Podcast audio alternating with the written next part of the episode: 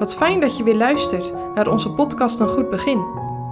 We nemen je mee door het Evangelie van Marcus en we helpen je om van stap tot stap dit Evangelie te begrijpen.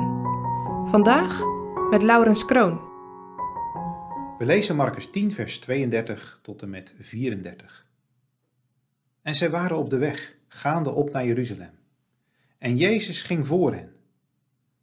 En ze waren verbaasd en hem volgende waren ze bevreesd. En de twaalf, wederom tot zich nemende, begon hij hun te zeggen de dingen die hem overkomen zouden.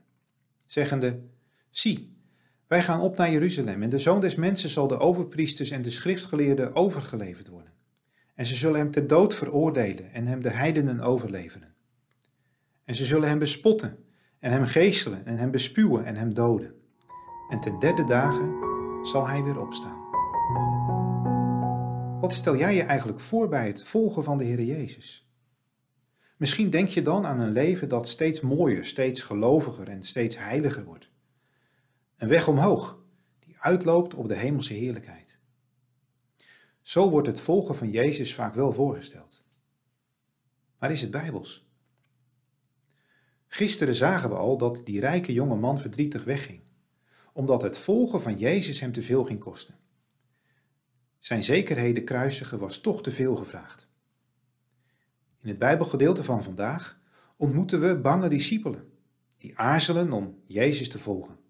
Geen mooie, omhooglopende weg dus, maar een weg waarop ze terugdeinzen en vastlopen.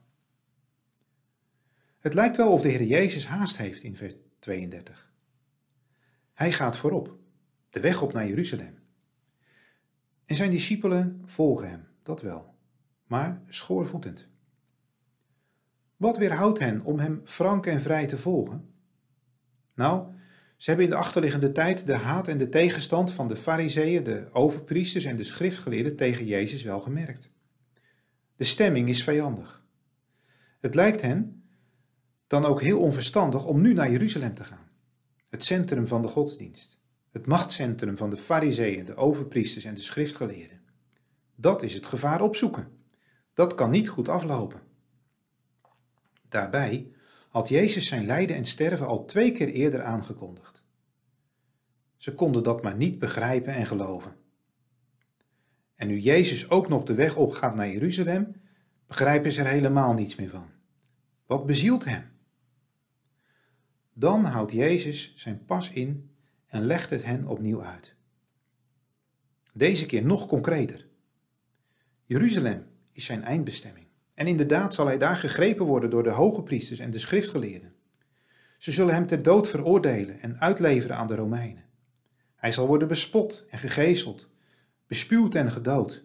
Maar ook zal hij na drie dagen weer opstaan. Het zal de discipelen bevestigd hebben in hun bange vermoedens. We lopen helemaal vast, beseffen ze. Jezus laat zich zo in de val lopen. En wij met hem.